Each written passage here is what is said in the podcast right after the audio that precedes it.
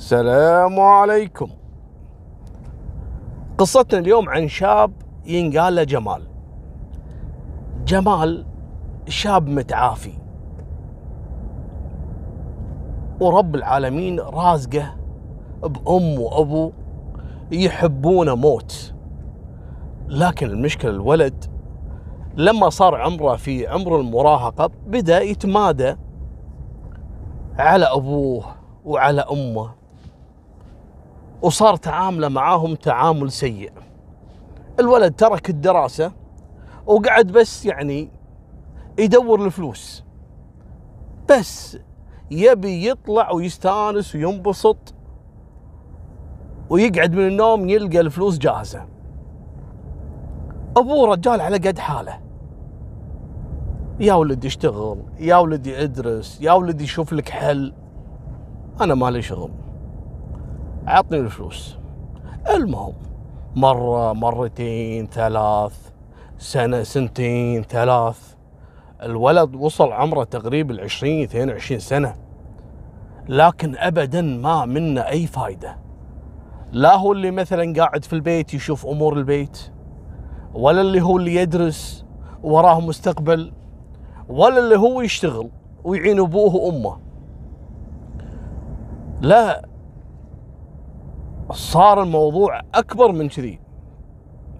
قام جمال هذا يغصب أبوه إنه يعطيه فلوس. أبوه ما عنده.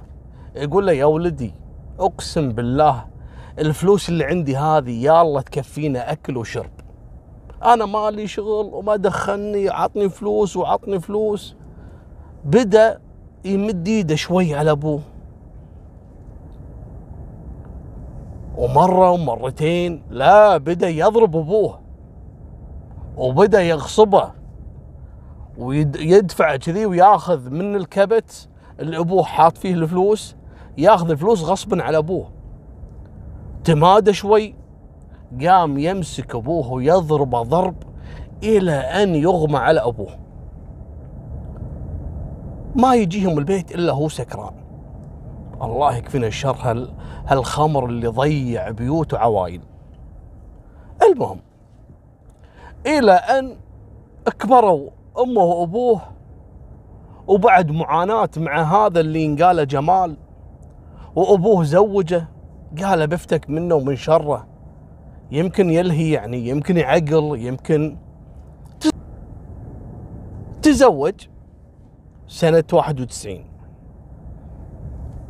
وبعد كم سنة أبوه وأمه توفوا لكنهم توفوا وهم يعانون من هالولد.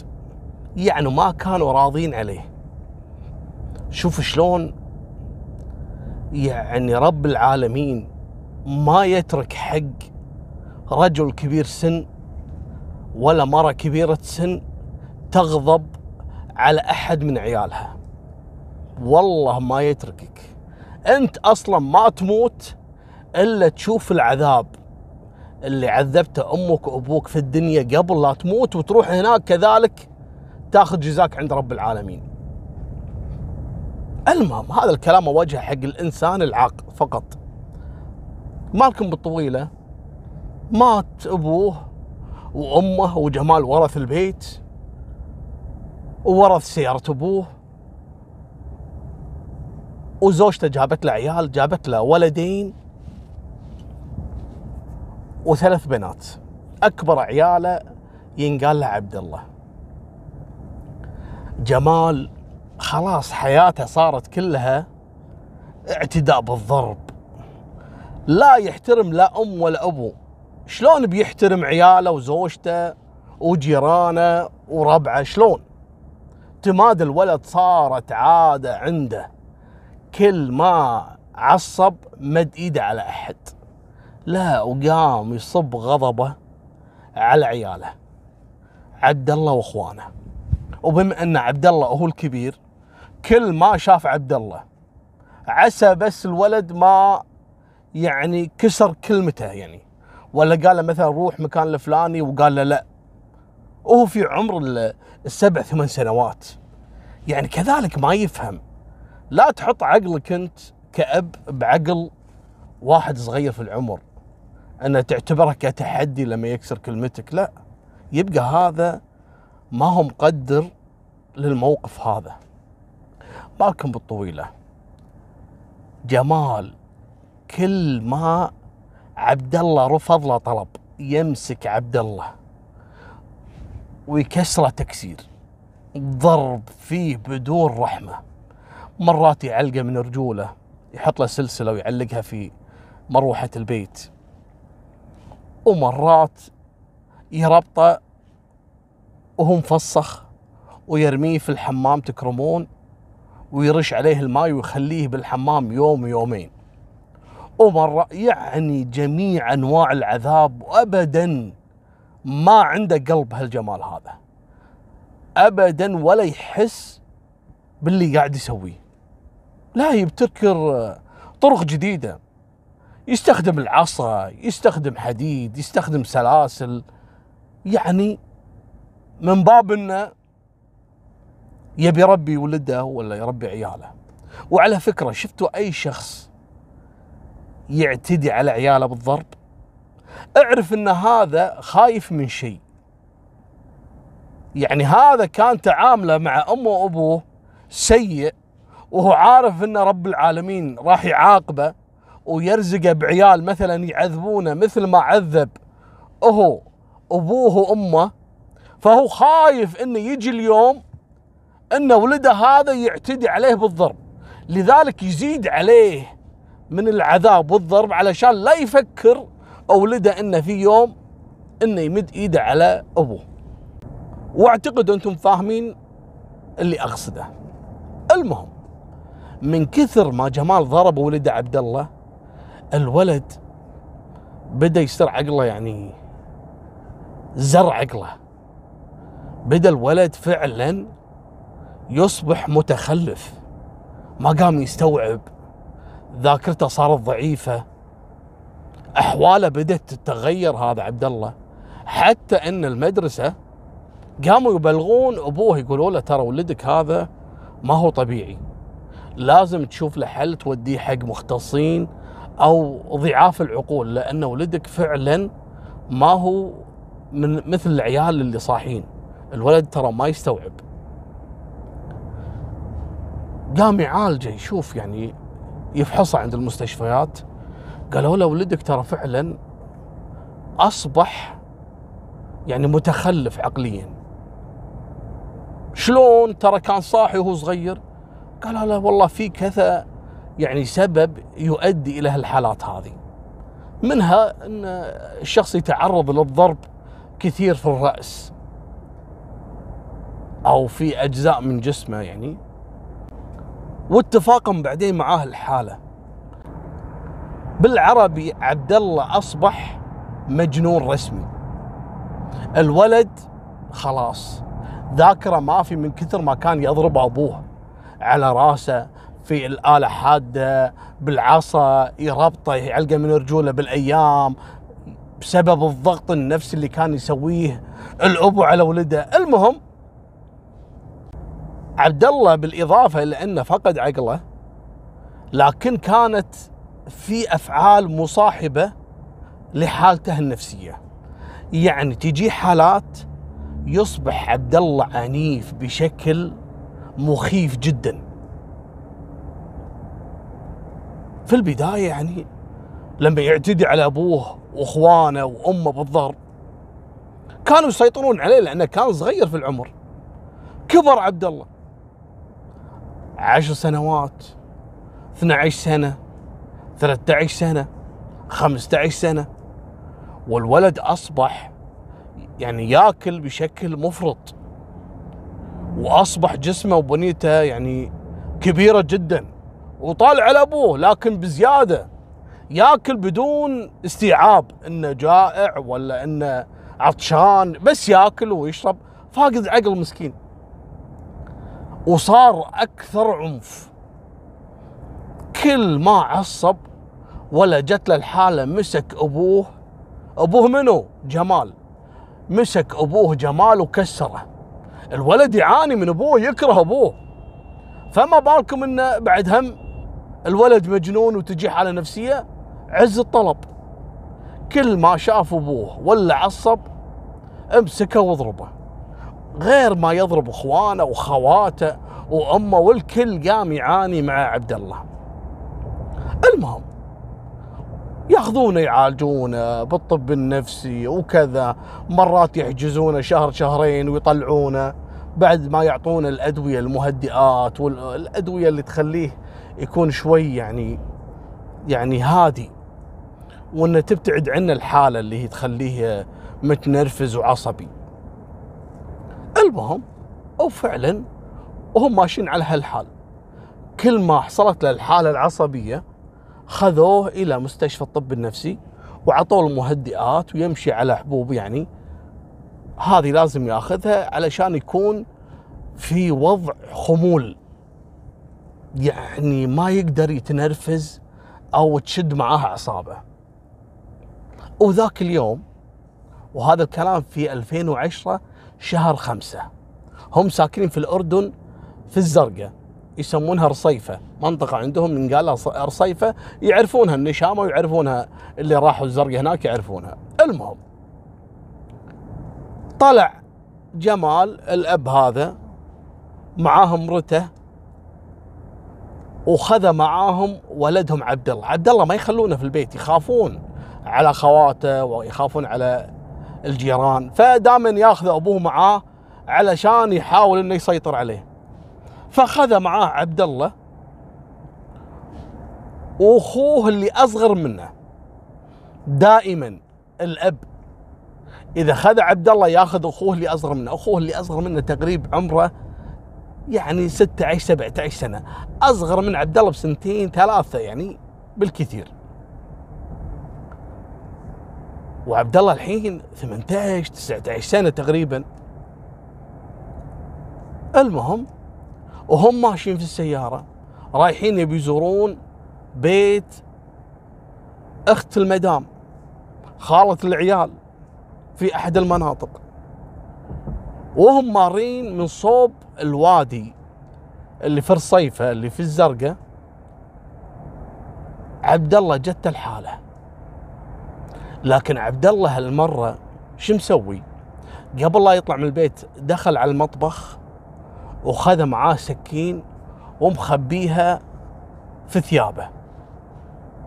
الولد ما هو صاحي. لكن الظاهر بدأت تجيه الحالة حالة الغضب وإنه يبي يرتكب جريمة. المهم حاط سكين في جيبه وهم ماشيين في الطريق وتجيه الحالة ويقوم يطلع السكين وعلى طول ويغرسها في كتف أبوه اللي قاعد يسوق السيارة. أبوه منو؟ جمال. أبوه ما هو راحم عبد الله.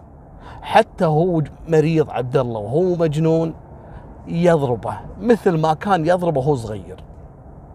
لكن هالمرة يوم شاف عبد الله مخبي سكين واعتدى عليه وطعنه في ظهره في كتفه يعني الابو خلاص هني قال أنا لازم اذبح هذا وأقضي عليه. خلاص أبي أرتاح منه تعبت. هني حس معاناة أمه وأبوه لما كان مجننهم وهو صغير. حتى لما كبر. إيش سوى جمال؟ وقف السيارة على جنب الطريق وكان من سوء الحظ إن هالطريق هذا يعني على وادي قليل ما الناس تمر عليه. وينزل جمال. ويسحب عبد الله برا. وياخذ السكين اللي كانت معاه ويربطه ويخلي اخوه طبعا اخوه يساعد إنه ماسكين عبد الله هو ويا ابوه.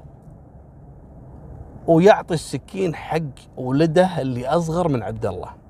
قال له اذبحه. طبعا عبد الله يحاول يقاوم يبي يقوم وهم خايفين إذا قام هم يضربهم. فيصرخ الأب يقول حق ولده اللي أصغر منه يقول له اقتله اقتله خلينا نرتاح منه. المهم هذاك الأخ أول طعنة ثاني طعنة ثالث طعنة.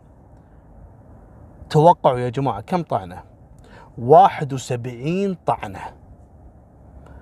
الولد دخل في حالة نفسية هستيرية. شاف الدم وهو يذبح أخوه قال خلاص. والأب هذا بعد ما قصر راح جاب له حجر كبير ويضرب على رأس عبد الله علشان يتأكد إنه مات. لا ويبي يشوه وجهه علشان ما حد يعرف جثته. وقام بعدها وسحب جثة عبد الله على وجهه ورماه في الوادي اللي هو وادي رصيفة وبنفس اليوم راح إلى مركز الشرطة بعد ما ارتاح وبدل ملابسه وكذا وبلغ عن فقدان ولده. وقال لهم أنا ولدي يعني مريض عقليا وطلع من البيت وهذا ما يعرف يدل يعني يرجع البيت مرة ثانية. فسجلوا له بلاغ. لكن كذلك رجال الأمن والبحث الجنائي يعني ما صدقوا روايته. قالوا له يعني ما في ولا مرة سجلت قضية أن ولدك اختفى يعني. ولدك كم عمره؟ قال تقريبا 19 سنة. قالوا يعني معقولة 19 سنة؟ ما طلع من البيت ولا ضاع ولا مرة بس هالمرة يوم كبر يضيع. أنت متأكد أنه لما ضاع طلع من البيت؟ قال إي نعم. المهم سجلوا له بلاغ. يبي يشوفون شنو نهايتها معاه ويقومون شابين من هذول اللي يجمعون الخردة في الوادي. ناس تلقط المعادن والقناني وكذا يروحون يبيعونها ترزقون الله. ويشوفون جثة عبد الله. بلغوا رجال الأمن واحضروا أدلة جنائية وطب الشرعي وانقلبت الدنيا وهذه جثة منو من هالكلام من مقدم البلاغ؟ قالوا في واحد مقدم بلاغ عن ولد ونفس المواصفات. استدعوا أبوه. قالوا له لقينا ولدك. ترى ولدك متوفي ولقيناه في الوادي لكن الولد مقتول. قال شلون مقتول؟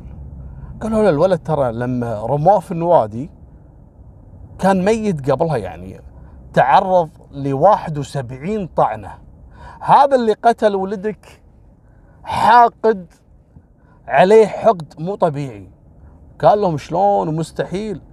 ولدي متخلف عقليا يعني حتى ما يستوعب ولا يعرف يعني ما يفهم ما عنده عداوات مع أحد.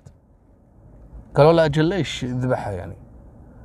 المهم إنه في أحد من أهلك من جماعتك له يد أو له غرض بقتل عبد الله؟ ما عرفوا.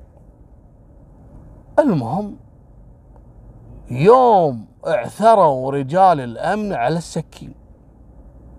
ولا فيها بصمات منه أخو عبد الله اللي أصغر منه. بعد ما رموا الجثة راح رمى السكين بعيد وعثروا على السكين وفيها بصماته ولقوا فيها كذلك عينة من دم عبد الله المهم يوم بلغوا الأب أن ولده الثاني هو المشتبه فيه ويدورون عليه لأنه مو متواجد ومختفي يقولوا قول لنا وين نحصل ولدك اللي أصغر من هذا أصغر من اللي توفى؟ وينه وليش مختفي؟ ومن هالكلام؟ قال لا لا أنا على طول راح أبلغكم. بما انه قتل أخوه أنا مستحيل إني أغطي عليه. المهم رجع البيت وكلم ولده اللي كان متخبي ومتفق مع أبوه في الموضوع هذا. قال له شوف يا ولدي أنت عمرك تقريبا السبع تعيش يعني أنت حدث مراهق. فما راح يحكمون عليك لا بالإعدام ولا بالمؤبد. بالإضافة إنك إذا شلت القضية أنا راح أتنازل عنك بما أني الأب. ما تقعد لك ستة أشهر سنة بالكثير إلا أنت طالع. ماشي يا ولدي أحسن ما أنا أنسجن بعد وياك وننسجن اثنيناتهم ما حد يطلعنا. الولد اقتنع بالفكرة. قال خلاص بما أن أنا فعلا يبا يعني ماسكيني وماسكينك أنا راح أضحي. راح الولد طبعا سلم الأب بنفسه إلى الجنائية. لكن لما حققوا مع الولد أقوالهم ضاربة وقالوا له بعدين أنت يعني مستحيل أنك تقدر على أخوك عبد الله. أخوك عبد الله ما شاء الله جسم وكذا الله يرحمه. شلون قدرت عليه وطعنته 71 طعنة وضربته بحجر وسحبته ورميته في الوادي. وانت أصلا شلون رحت هناك الوادي ومعاك عبد الله؟ شلون؟ عندك سيارة أنت؟ شلون نقلت؟ يعني تفاصيل القضية ما هي ضابطة معاه الولد. صحيح إنه اعترف لكن الاعتراف مو كل شيء. لازم في أدلة تؤيد الاعتراف. يوم شافوا الولد كأنه يبي يخبي شيء كأنه مثلا يبي يغطي عن شخص معاه كان يساعده في الموضوع. قالوا لا الظاهر الأبو ورا الموضوع. استدعوا الأبو وقالوا له يبا ولدك اعترف عليك. الرجال صدق واعترف بالقصة بالكامل وقال يبا إي نعم. وقال لهم يبا ترى ولدي هذا مجنون. وذاك اليوم حاول إنه يقتلني وأنا بصراحة يعني دخلت في حالة نفسية وقمت وأخذت السكين اللي في إيده وطعنته وساعدني عليها ولدي الثاني. وقلت أنا خلنا اتخلص منه مرة واحدة وعلشان بعد ما أتورط ولا أنسجن الولد متخلف ومات وخلاص لحظة غضب وانتهت. طبعا الصدمات في القصة إلى الآن ما جت. القضية راحت للمحاكمة. وحجزوا الأب جمال وولده اللي أصغر من عبد الله بتهمة القتل. لا مو بس القتل قتل وتشويه الجثة ورميها في الوادي. تقول زين أبو طلال أنت كأنك نسيت شخصية في الموضوع. الأم اللي كانت معاهم في السيارة وقت الجريمة شنو كان موقفها؟ شنو سوت؟ شنو كذا؟ اسمع السالفة. الأم هذه الله يسلمكم طبعا يوم جمال وقف على جانب الطريق ونزل عبد الله وقاموا وذبحه هو ويا ولده. بهالسكين الأم قعدت تصارخ وحاولت إنها تتدخل الأب كل شوي يمسكها ويضربها إلى أن يغمى عليها. المسكينة بغت تموت وهي تدافع عن ولدها عبد الله كل ما صحت راحت لهم تركض يقومون يضربونها مرة ثانية ويغمى عليها. وآخر مرة صحت من غيبوبتها ولا هي في السيارة قالوا لها ترى تخلصنا منه وإذا تكلمتي راح نذبحك. ترى أنت ما راح تضيعين زوجك بس لا راح تضيعين حتى ولدك اللي أصغر منه. الأم دخلت في حالة هستيرية وبكي تشوف ولدها الصغير هذا المتخلف عقليا المسكين. وهو ينذبح وكانت تتعاني معاه الفترة اللي فاتت كلها ويموت بهالموت البشعة. حرام شنو ذنبه؟ الولد ما يعقل. والسبب أصلا جنونه أبوه هذا. حسبي الله عليه. المهم الأم صارت أشبه بالمجنونة. وقعدت في بيتها بعد ما تم إلقاء القبض على زوجها وولدها اللي أصغر منها خلاص حياتها تدمرت. عيالها راحوا وزوجها هذا مطلوب في جريمة قتل. بدت المحاكمة أول جلسة ثاني جلسة جايبين لهم محامي شاطر والمحامي هذا أثبت للمحكمة إن عبد الله كان مجنون. وعبد الله حاول إنه يقتل أبوه وهم تدخلوا يعني في الدفاع عن نفسهم وحصلت الجريمة. لكن كذلك المحكمة كانت تفكر في موضوع ال 71 طعنة. يعني ما هي طعنة واحدة عابرة أو لحظة غضب. 71 طعنة يعني الموضوع انتقام حقد. لكن قدرها بعد دفاع المحامي إن هذه حالة غضب ويبي يتخلصون منه وكانوا خايفين والمهم احكموا على الأب بالسجن سنة وعلى ولده سنة واكتفوا بالمدة اللي أصلا كان محجوز فيها من بداية التحقيق وأفرجوا عن الأب وعن ولده. لكن حصلت مصيبة ثانية. الولد أخو عبد الله اللي أصغر منه طوال فترة احتجازه في السجن وهو يندب حظه ومتندم انه طاوع أبوه وقتل أخوه عبد الله المسكين. متندم وداخل في حالة حزن شديدة جدا. أول ما طلعوه من السجن ما تقبل أنه يعيش حر وهو ذابح أخوه. ترى الأخوة صعبة جدا. لما واحد يقتل أخوه مستحيل أنه يعيش بهدوء. مستحيل. إيش سوى الولد؟ أول ما طلع ووصل البيت ثاني يوم راح ماخذ له مسدس ومنتحر في غرفة نومه. الأب هذا طلع عادي ولا عنده أي مشكلة. الأم هني يوم ولدها الثاني هذا انتحر بعد معاناة من المحاكمة والحزن على ولدها الأولاني. خلاص ما تحملت. إيش سوت؟ راحت جابت لها مادة اللي هي البنزين هذا الوقود وتكبه على نفسها وتولع بنفسها النار. وهذه صارت في الزرقاء في رصيفة أحرقت نفسها بوسط الشارع قدام الله وخلقه. طبعا خذوها وللعناية ودخلت بغيبوبة متأثرة بالحريق اللي كلا جسمها. قعدت لمدة أسبوع وهي في غيبوبة إلى أن توفت الله يرحمها. طبعا تصرف اللي سوته هذا الله يرحمها ويغفر لها. ما تدري هل كانت هي فعلا وصلت مرحلة الجنون. لكن الانتحار عقابة شديد عند رب العالمين. يا ربي يعني إن ترحم حال هالناس هذه. كل هذا صار بسبب الأب وتعامله السيء من أيام أمه وأبوه وشلون رب العالمين عاقبه. حاط في باله إن عياله هذول اذا كبروا باكر راح يضربونه مثل ما كان يضرب أبوه لذلك قام كل ما شاف عياله مسكهم وضربهم ضرب إلى أن الواحد فيهم يفقد الوعي. لكن تدبير رب العالمين الإنسان ترى مستحيل إنه يدركه. مو شرط إن ولدك باكر إذا طلع يعني يضربك مثل ما ضربت أبوك لا. ممكن إنك تورط فيه بجريمة بكرة تذبحه وتورط. يعني تاخذ عقابك بأشكال مختلفة.